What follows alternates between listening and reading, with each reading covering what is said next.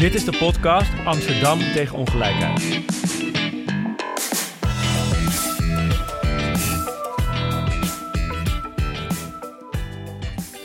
Hallo, ik ben uh, Marieke van Doornink. Ik ben sinds 2018 uh, wethouder in Amsterdam voor ruimtelijke ontwikkeling en duurzaamheid.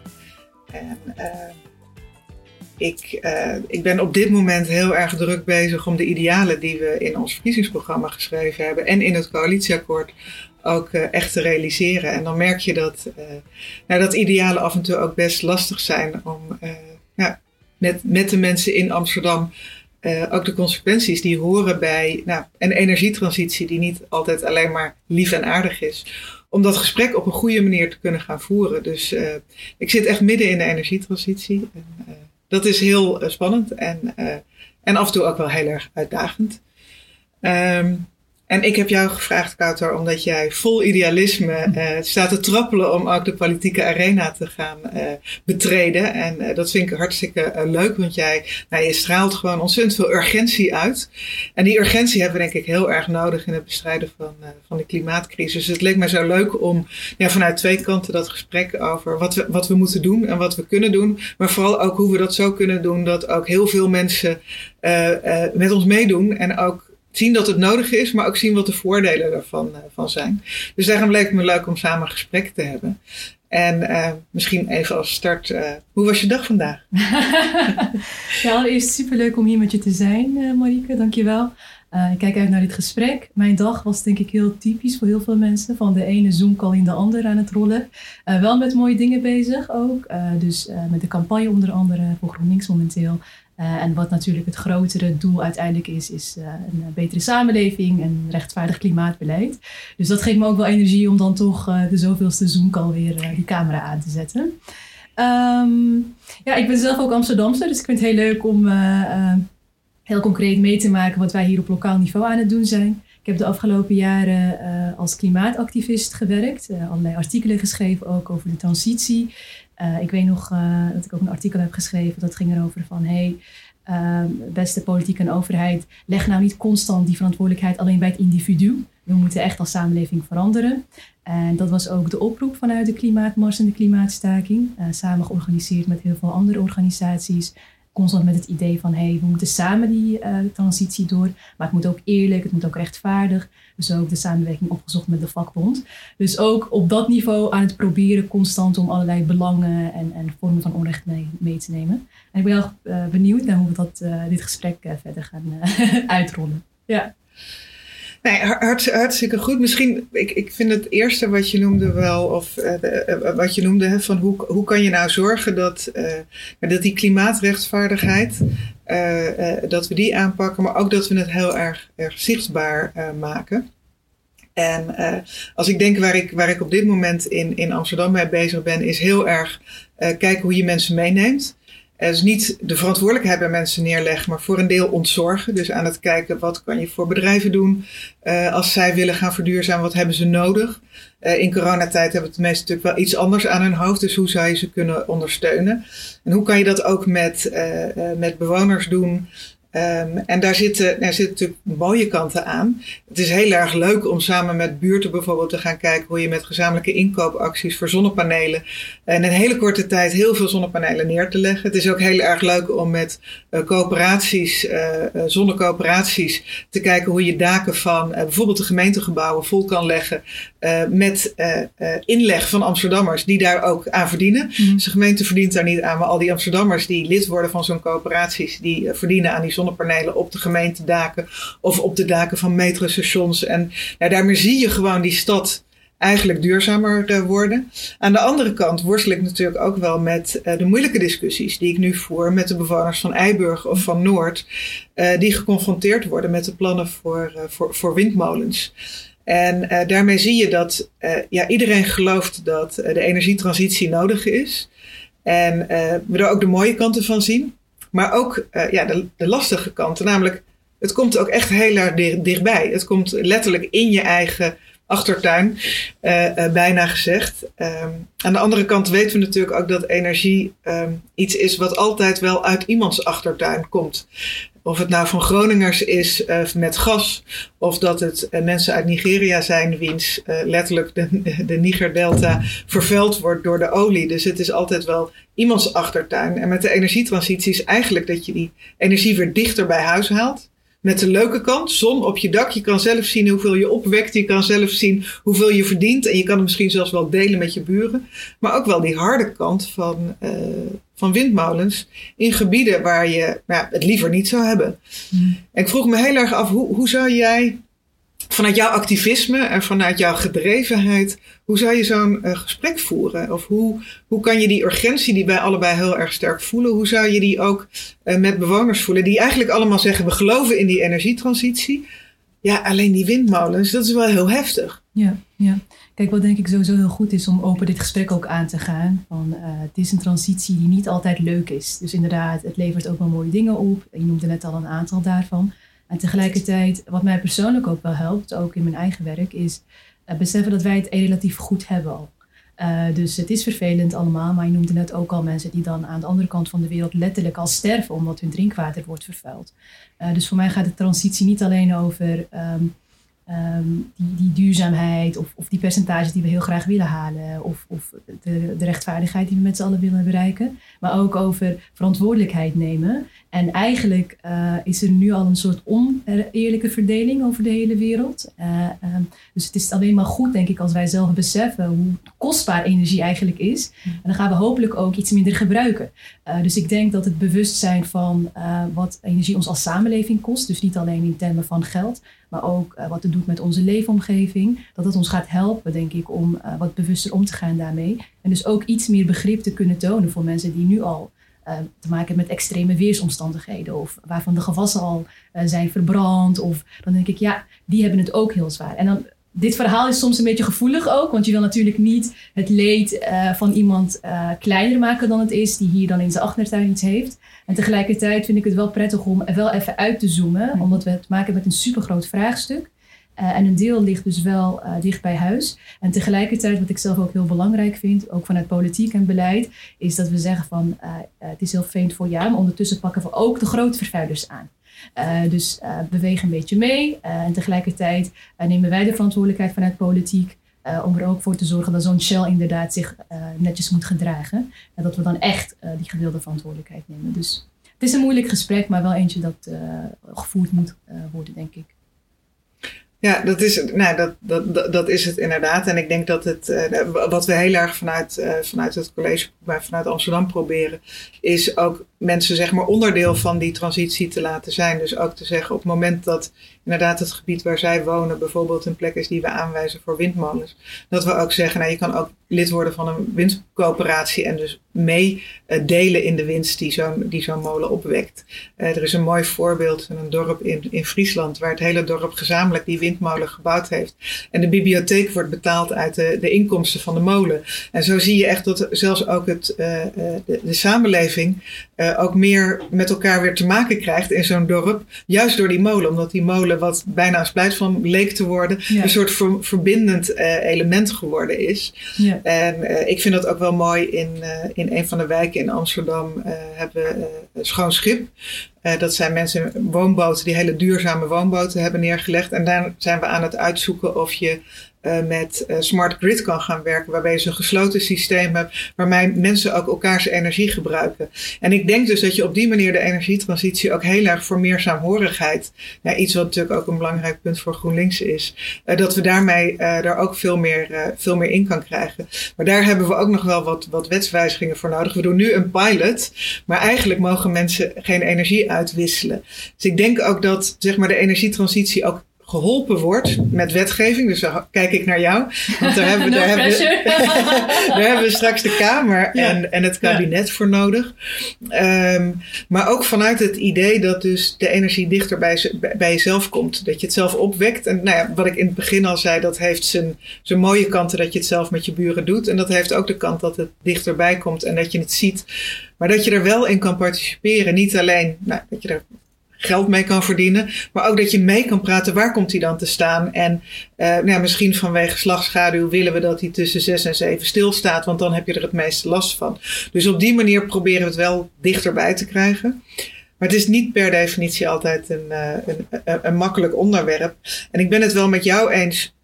De discussie over is het nu een individuele keuze, duurzaamheid, of is het een gezamenlijke opdracht aan elkaar? En uh, ik merk dat uh, ik stoor me vaak aan uh, toch wel verhalen van dat er altijd wordt gevraagd: wat kan jij doen? Terwijl eigenlijk een maatschappij nog heel erg is ingericht op ja, veel gebruik, op heel veel consumeren. Wat zijn de dingen die daarbij, als jij dat, want je vertelde hem zelf ook al, wat zijn de voorbeelden die je daarmee noemt om dat verhaal duidelijker te maken? Want anders worden we elke keer weer teruggeworpen op: ja, wat doe je eigenlijk zelf? Ja, ja nee, ik vind dat echt een van de grootste Um, en misvattingen waar we, zijn, uh, waarmee we zijn gevoed ook de afgelopen tijd. Van uh, een beter milieu begint bij jezelf. Uh, dat doet heel veel aanspraak op ons als persoon. En aan de ene kant is dat heel goed, die verantwoordelijkheid ook echt te nemen. En tegelijkertijd moet het geen excuus zijn voor grotere bedrijven om, om maar niks te doen of heel weinig te doen. En te zeggen van ja, maar de consument die wil dit. Ja, de consument wil dat misschien omdat er geen goede alternatieven zijn of omdat uh, bepaalde prijzen laag uh, gehouden worden die misschien eigenlijk niet helemaal bijdragen aan, ons collectieve, um, uh, aan onze collectieve vooruitgang. Wat ik zelf ook heel belangrijk vind om te benoemen is bijvoorbeeld dat Shell, die hebben superlang een deel van de belasting niet eens betaald. Dus wij als burger, dan, dan doe je netjes je belastingaangifte, dan heb je zonnepanelen op je dak en dan probeer je echt mee te doen uh, aan die transitie. En dan misschien af en toe ook inderdaad de verwarming wat lager. Allemaal supergoed. Maar wat dus wel uiteindelijk ook nodig is, is dat we zo'n uh, Shell uh, verantwoordelijk maken. Van oké, doe op zijn minst mee aan deze samenleving zoals ons allemaal en betaal ook netjes je belasting mee. Een ander concreet voorbeeld is ehm, uh, de, de, de, energiekosten. Dat heel grote verbruikers eigenlijk relatief minder betalen. Hoe meer ze gebruiken, hoe minder uh, ze betalen. Dat is eigenlijk heel vreemd, want dan denk je van hoe kan dat? Uh, dan proberen wij superveel te bezuinigen in onze eigen huizen. Maar als je als industrie superveel gebruikt, dan betaal je steeds minder. En als we dat dan eerlijk gaan belasten ook, dan denk ik ook dat we een, een meer compleet verhaal hebben. Waarin we dus echt iedereen mee kunnen nemen. Want dan doet het ook pijn in je eigen huis. Maar dan weet je van oké, we doen het met z'n allen. En uiteindelijk is het ook voor de lange termijn. Want uh, als wij het al zwaar hebben, de volgende generaties misschien nog meer. En die daarna nog meer. Dus zo probeer ik er zelf ook uh, naar te kijken.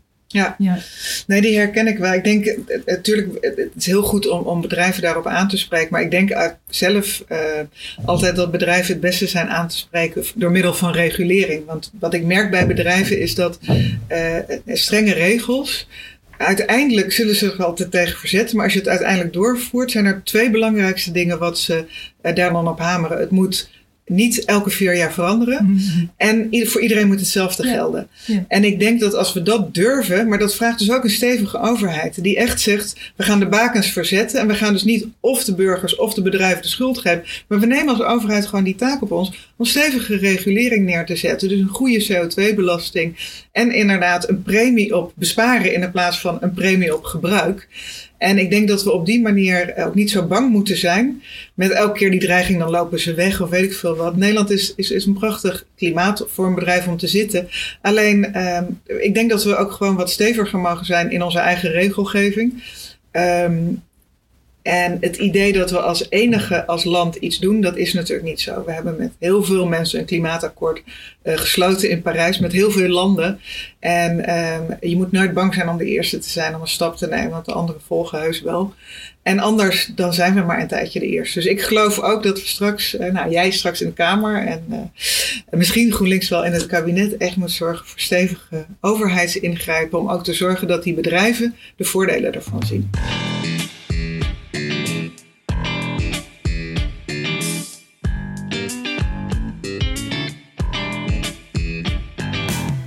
Kouter, wij hebben, of ik had je uitgenodigd voor dit gesprek omdat we niet alleen uh, allebei GroenLinksers zijn en uh, politiek uh, aan de slag willen. En ik ben en jij wil graag aan de slag. Maar ook omdat we echt een andere generatie zijn. En ik vind hoeveel jij al gedaan hebt voor, voor zo jong als je bent, is echt al heel erg veel. Je bent al lang klimaatactivist. Wat, wat drijft jou? Waarom ben je klimaatactivist geworden? En wil je uit, uit, vanuit dat activisme ook echt de Kamer in? Ja, het is wel grappig, want uh, ik begon uh, op mijn zeventiende inderdaad, vrij jong, uh, bij het LAX. als scholier, als bestuurslid, daar hebben we een landelijke staking georganiseerd. En ehm, we stonden dan op het museumplein en ik keek om me heen en ik dacht van wow, wat bijzonder dat je zo actief burger kunt zijn en, en dus ergens voor kunt staan en ook met heel veel mensen eigenlijk iets kunt aanpakken waar je het niet mee eens bent en dat dat allemaal kan. Dus in aanloop daarnaartoe hadden we ook met politici gesproken, met media. Dus het vuurtje begon daar een beetje bij mij te branden. Dus het begon heel erg met het idee van onderdeel voelen van een samenleving en die graag uh, beter willen maken. Uh, en daar heel bewust over nadenken en dat constant met andere mensen doen. En uh, nou, dat heb ik dus uh, sinds mijn 17 ongeveer gedaan, ook met stukken schrijven. En op een gegeven moment kwam klimaat steeds meer aan bod, omdat klimaat een thema is wat ons allemaal raakt. En wat voor mij heel belangrijk is, is in al het werk wat ik doe, rechtvaardigheid en gelijkwaardigheid. Dus of het nou gaat om gender of kleur of geaardheid. Ik merkte op een gegeven moment, het hangt allemaal samen. ook als het gaat om klimaat bijvoorbeeld, heel specifiek. Uh, het zijn vooral vrouwen in armere landen die het meest worden geraakt. Terwijl het vrouwen zijn die het minst vertegenwoordigd zijn in de politiek. Die dan weer beslist over alle andere vrouwen, bij wijze van. Dus ik, bij mij, hoe het bij mij eigenlijk begon, is een soort verbazing eigenlijk hoe uh, bepaalde zaken in onze samenleving zijn ingericht. en klimaat houdt ons daar dus een hele uh, duidelijke spiegel voor. Um, maar het gaat net zo goed over uh, woningen. Van hoe kan het dat we niet betaalbaar overal kunnen wonen, terwijl dat een recht is, een basaal mensenrecht? Uh, hoe kan het dat uh, onderwijs, dat de kansongelijkheid daar nog steeds aanwezig is? Dus vooral verwondering, verbazing en dan niet per se positief verwondering, maar meer van, hè, we leven toch in Nederland, dat kunnen we toch regelen? Hoezo hebben we dat nog niet gefixt? Dus dat gevoel, dat begon dus bij het laks met het onderwijs en later dus op steeds meer thema's. uiteindelijk ehm, meer op klimaat gaan schrijven ook en spreken. Ben je steeds meer vertrouwd geraakt met de klimaatbeweging. Dus met allerlei organisaties die zich daar onderdeel van uh, voelen en daarvan uitmaken. mee georganiseerd met de Klimaatmars en de Klimaatstaking. En wat ik dus bijzonder vond, ook onder andere aan die Klimaatmars, is de samenwerking met de vakbond. Dus constant kijken van hé, ja, we willen heel graag die transitie, maar we gaan ook nadenken over wat er gebeurt met de havenarbeiders of met de mensen die op Schiphol werken, juist ook om samen te werken. dus dan kan klimaat en klasse bijvoorbeeld heel specifiek bij elkaar. Dus als je dan vraagt van is dat, uh, wat neem je daarvan mee? Wat voor mij dus heel belangrijk is, is om uh, klimaat als onderdeel te zien van al die andere vraagstukken die we in de samenleving hebben. En dan kan je dat ofwel benaderen vanuit uh, heel klimaatspecifiek of vanuit een ander thema. En als het goed is, komen we elkaar dan altijd tegen. En dat is denk ik wat soms nog mist in de politiek. En vandaar ook uh, uiteindelijk deze stap. Uh, en ik hoop dat we dat steeds meer kunnen doen. Het is volgens mij ook de enige manier om holistisch dit soort vraagstukken aan te pakken. ja. ja. Ja. Het is grappig, want ik kom eigenlijk ook, uh, de, klimaat, uh, waar ik dan nu wethouder voor ben, is, is bij mij ook vanuit andere verwondering uh, gekomen. Ik heb heel lang gewerkt in thema's rondom mensenhandel en gedwongen arbeid. En op, op, internationaal vlak, dus ik, ik sprak daar met, met heel veel mensen op verschillende manieren naar. En, en wat je ziet is dat met name vanuit de instituties of de internationale organisaties wilden ze toch echt heel erg zien als een criminologisch uh, fenomeen. En waar je een slachtoffer en een dader had. Uh, terwijl als je echt goed naar mensenhandel kijkt, is het, een, uh, is het een, een sociologisch probleem waarbij mensen uitgebuit worden door een systeem. En zijn eigenlijk alle wetten die wij maken om mensenhandel tegen te gaan, zorgt heel vaak voor meer mensenhandel. Bijvoorbeeld door grenzen te sluiten, waardoor mensen die arbeidsmigratie nodig hebben om te overleven, ja, dat die een smokkelaar nodig hebben om überhaupt op, op zo'n plek te komen. Dus het ging heel erg over afhankelijkheid van mensen. En toen ik daar nog meer in ging verdiepen, als je bijvoorbeeld kijkt naar uh, de mensen die in de kledingindustrie in, in uh, Zuid-Azië werken. Dat gaat heel vaak met ontzettende vervuiling gepaard. En toen werd het mij duidelijk dat hetzelfde systeem wat mensen uitbuit, uh, dat dat eigenlijk de aarde uitput. En dat dat precies het systeem is wat je moet aanpakken in de plaats van het individu of het nou om het slachtoffer gaat wat je dan moet helpen, of dat het gaat om de dader die het doet. Um, de, uiteindelijk wil je natuurlijk een slachtoffer helpen en wil je een dader bestraffen, maar daarmee heb je morgen weer een ander slachtoffer en een nieuwe dader. En je moet dat systeem aanpakken. En ja, daar zag ik heel erg de parallellen. Mm. En ik zag het ook heel erg. Ik ben, uh, voordat ik uh, wethouder werd, was ik uh, voorzitter van Mama Kerst, de Vrouwenfonds. Die met name uh, vrouwen die vanuit een best wel moeilijke positie voor hun rechten opkomen, uh, uh, geld geven. En de laatste jaren kwamen er steeds meer vrouwengroepen uit de hele wereld die zich met climate justice bezig hielden. En echt vrouwen die dagelijks werden geconfronteerd met de effecten van, van klimaatverandering. Ja, toen werd het voor mij echt nog veel duidelijker dat dit ook een gender issue is. En dat dit een, een veel groter verhaal is, die klimaatverandering. Van inderdaad, wat gebeurt er in andere landen bij ik had een, een, een collega die uit de uh, Fiji-eilanden kwam. En letterlijk, haar eiland gaat verdwijnen. Dat weet zij nu al. Uh, dat is ontzettend heftig dat mensen in Indonesië die aan de kustlijn wonen en daar afhankelijk van zijn van visserij, dat die hun huis elk jaar gewoon zo'n beetje moeten afbreken en, en, en 50 meter weer verder weer opbouwen. Want ze moeten aan die kust blijven omdat dat hun enige levensonderhoud is. Maar die kust komt steeds, ja, die, die brokkelt steeds af. En ik denk dat uh, ja, dat, dat we hier in Nederland nog te weinig uh, zien um, over hoe, hoe ontzettend uh, klimaatverandering met name arme mensen aantast. En wij kunnen natuurlijk op een gegeven moment onze deltawerken uitbreiden of onze dijken verhogen. Um, um, uiteindelijk gaat dat ook niet helpen, want dan komt het via de rivieren binnen. Dus ik denk dat, dat we uiteindelijk gewoon ook voor onszelf het moeten doen. Maar vooral inderdaad om enigszins een eerlijke wereld te houden uh, is klimaatverandering uh, is, is, is een van de grootste gevaren die op ons afkomt. En waar we nog steeds iets aan kunnen doen, maar waar we eigenlijk, omdat alle maatregelen ja, toch ergens pijn doen of iets van ons vragen, we elke keer voor ons uitschuiven. En dat vind ik in de discussie nog wel eens moeilijk. Dat iedereen altijd heel erg gelooft in, uh, in techniek. Van als we nog even wachten, dan hebben we vast dan hebben we waterstof. Of dan hebben we iets anders. Terwijl de reden waarom het zo slecht gaat, is eigenlijk omdat we de hele tijd wachten en moeilijke besluiten voor ons uitschuiven. Uh, terwijl klimaatactie vraagt om, uh, of klimaatcrisis vraagt om, uh, om actie nu. En um, ik denk dat ook de offers die we moeten brengen misschien helemaal niet zo groot zijn. Je ziet dat een heleboel mensen die anders gaan leven er best wel veel plezier in hebben.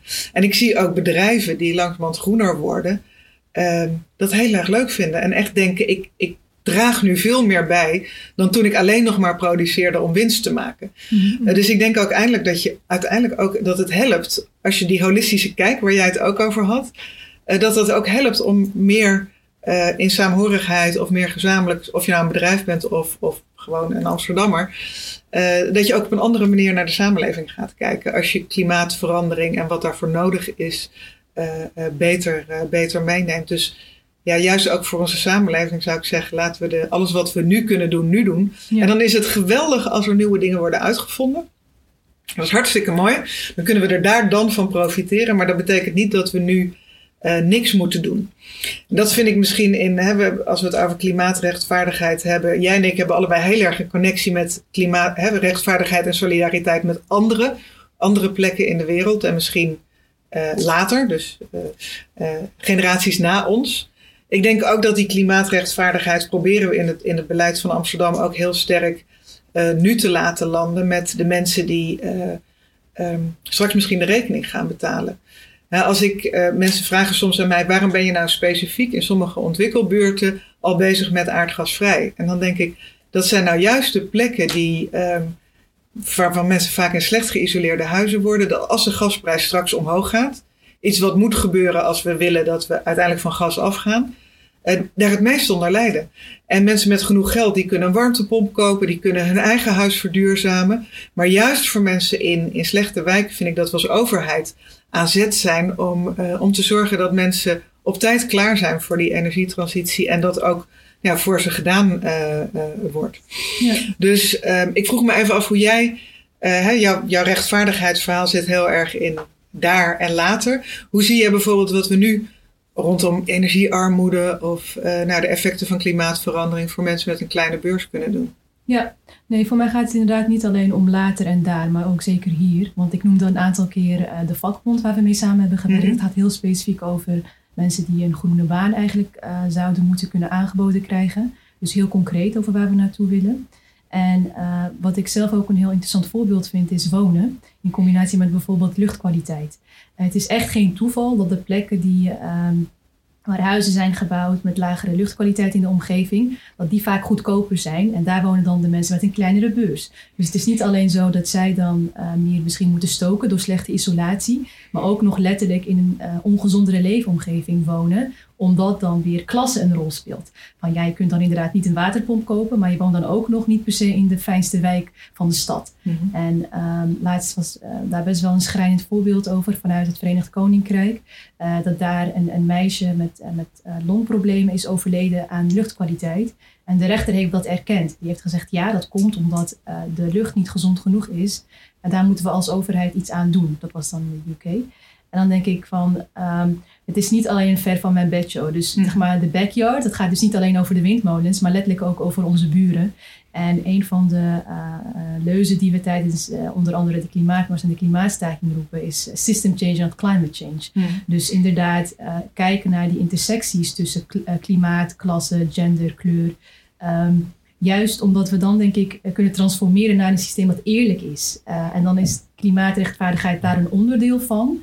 Maar we willen eigenlijk, ik hoop dat we gewoon allemaal elkaar in huis gunnen, wat gewoon fijn is. Goede luchtkwaliteit, een paar zonnepanelen op het dak, een goed minimuminkomen, zodat je daar geen zorgen over hoeft te maken. En dan wel lekker met je coöperatie tijd hebt om ook met die warmtepomp uh, iets te doen. Dus het gaat ook heel erg over welke mensen hebben tijd, welke mensen hebben geld. En hoe zorgen we ervoor dat die uh, voldoende zijn om dus mee te gaan in die transitie. Dus voor mij is het ook heel belangrijk om, als het gaat om die transitie, te kijken ook naar de buren hier. Uh, en na te denken van, hé, hey, hoe gaan we dit met z'n allen fixen? En niet um, uh, alleen um, omkijken naar plekken waar het misschien wat makkelijker is. Of op de lange termijn schuiven. Want dat is inderdaad heel lang al gedaan en dat schiet niet op. Ja, en als je, uh, want heel vaak zijn uh, uh, mensen met een kleine beurs hebben natuurlijk echt zoveel problemen aan hun hoofd dat ze denken, ja, dat klimaatverhaal, dat, hoe, hoe kan je mensen daarin in meenemen? Hoe kan je ze nou, meenemen in het verhaal wat jij verteld hebt, dat je dingen breder moet zien? Hoe zou, hoe, hoe zou je het gesprek beginnen? Ik zou het denk ik heel concreet maken. Uh, dus aangeven inderdaad van de klimaattransitie gaat erom dat jij fijner kunt wonen. En dat is het ook. het is ook zo dat we beter kunnen isoleren, dat we er beter voor kunnen zorgen dat er goede energiehuishouding is, uh, dat er gezondere lucht is, uh, bomen, een fijne leefomgeving. Ik denk juist, dat vind ik dus ook leuk om met jou dan over te praten, juist op stadsniveau kun je heel veel concrete en zichtbare dingen voor elkaar krijgen. Dus ja, uh, vieren dat er een zonnepanelen uh, uh, wijk ja. is. Gewoon een heel mooi feestje organiseren en dan vertellen waarom het belangrijk is bijvoorbeeld. Of juist dus in samenwerking met de wijk nadenken, wat kunnen we doen.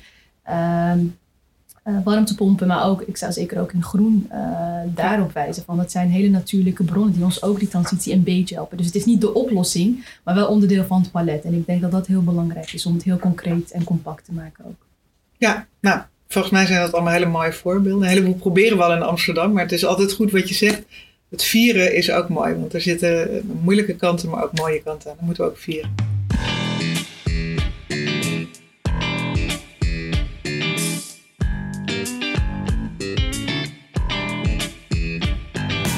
Uh, daar heeft het over de, klimaatcrisis. En dat is uh, denk ik voor ons allebei een reden om, uh, om actief te zijn. Maar we zitten nu midden in een, in een coronacrisis. En dat maakt dat sommige mensen denken, nou die klimaatcrisis even niet. Het jammer is dat die natuurlijk gewoon doordendert. Die wacht niet op tot, tot we... tot, we ieder, tot iedereen gevaccineerd is. Dus we zijn heel erg aan het zoeken hoe kan je nou eigenlijk die twee crisissen bij elkaar nemen. En hoe kunnen we zorgen dat we ook uh, de coronacrisis daaruit komen met ook antwoorden op, uh, op de klimaatcrisis. In Amsterdam hebben we uh, vorig jaar bij de begroting ook de, de banenmotoren gepresenteerd. Waarbij we gekeken hebben wat kunnen we nou echt aan fikse duurzame maatregelen doen. Die ook banen opleveren. En we kijken bijvoorbeeld aan versneld huizen van het aardgas afhalen. Maar ook heel erg veel gaan isoleren en renoveren zodat mensen en een lagere energierekening krijgen en we mensen aan het werk kunnen krijgen. En we die uitstoot ook uh, naar beneden halen. Uh, zonnepanelen leggen we juist op corporatiewoningen, op huurwoningen. Uh, zo hebben we, zo hebben we heel, heel wat plannen neergezet. Als het goed is, komt het, het voorjaar komt het ook allemaal naar buiten en dat we echt die banen gaan, gaan realiseren. Ik denk ook dat het een mooi wenkend beeld voor de toekomst is, want er zit zoveel werkgelegenheid. Als je kijkt dat Amsterdam echt banen gaat verliezen in toerisme, in hotels, dat zijn allemaal plekken die, waar mensen dan uiteindelijk zonnepanelen kunnen gaan leggen.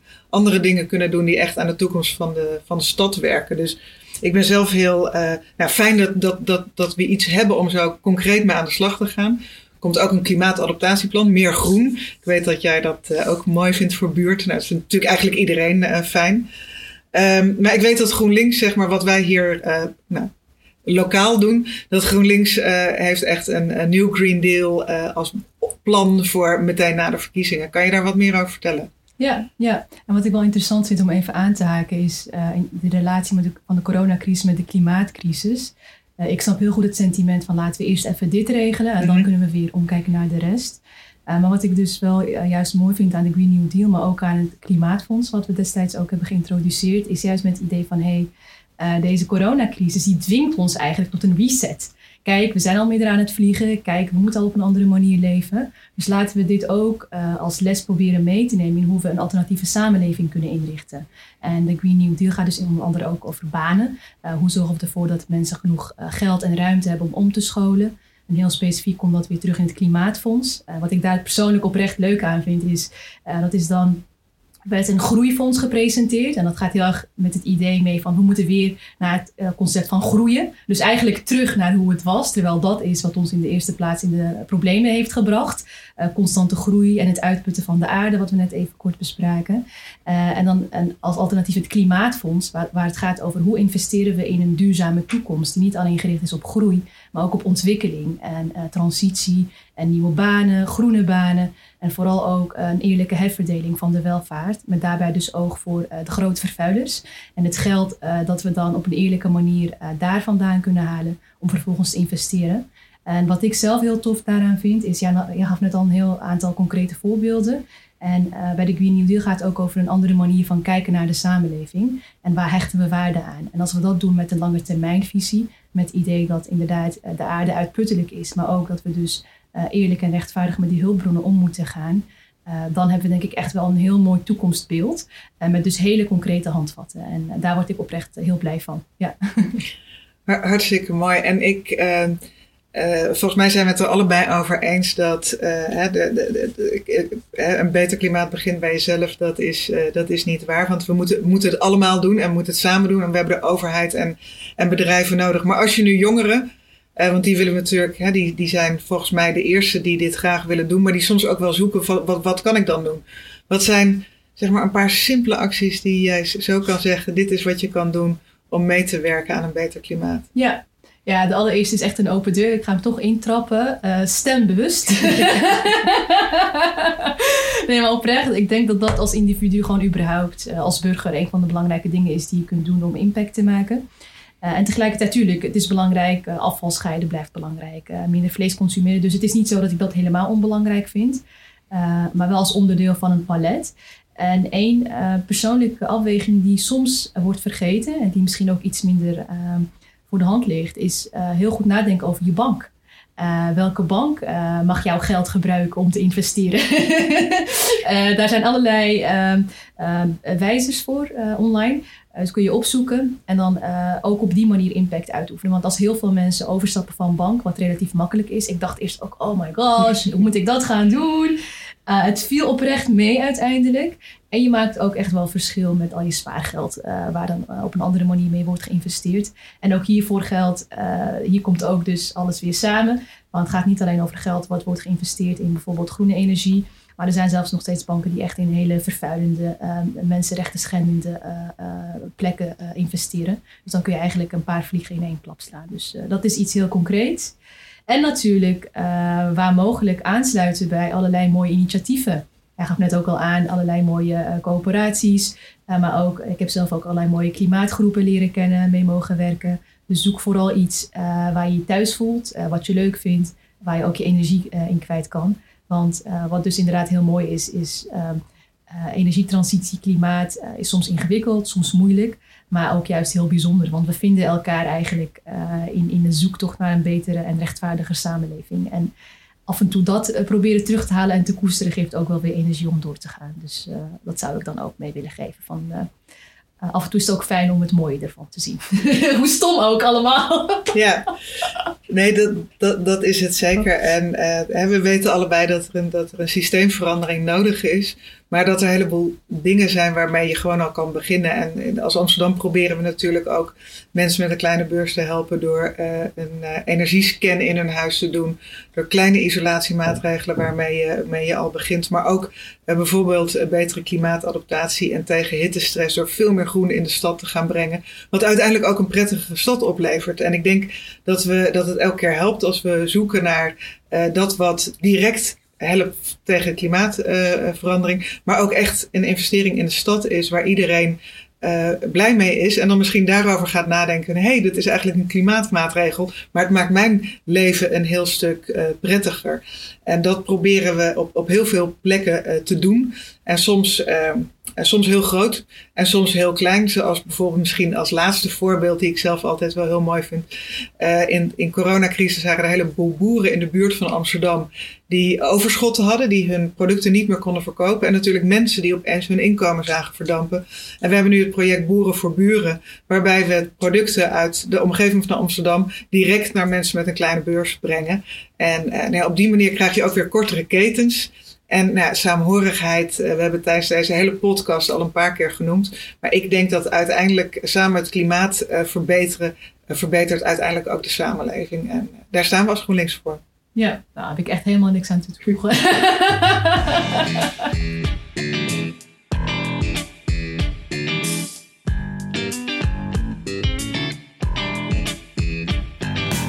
Kouter, ik vond het ontzettend leuk om, uh, om je eindelijk uh, live te zien en een gesprek met je te hebben. En onze gedeelde passie voor een beter klimaat en een mooiere samenleving te bespreken.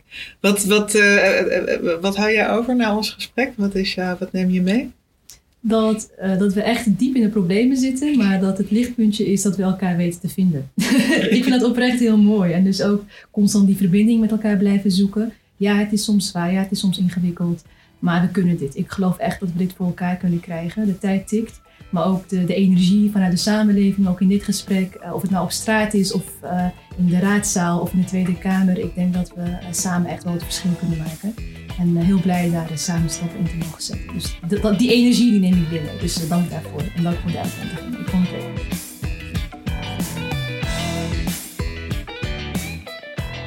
Je luisterde naar Amsterdam tegen ongelijkheid. Deze podcast werd gemaakt door Lonneke van Genuchten, Nick van Bree en Ibrahim Eldewi. En Floris Bosma maakte de muziek. Heb je vragen of opmerkingen? Ga dan naar amsterdam.groenlinks.nl slash podcast. Vond je het een leuke podcast? Laat dan een recensie achter. Daar zijn we erg blij mee. Bedankt voor het luisteren en tot een volgende keer.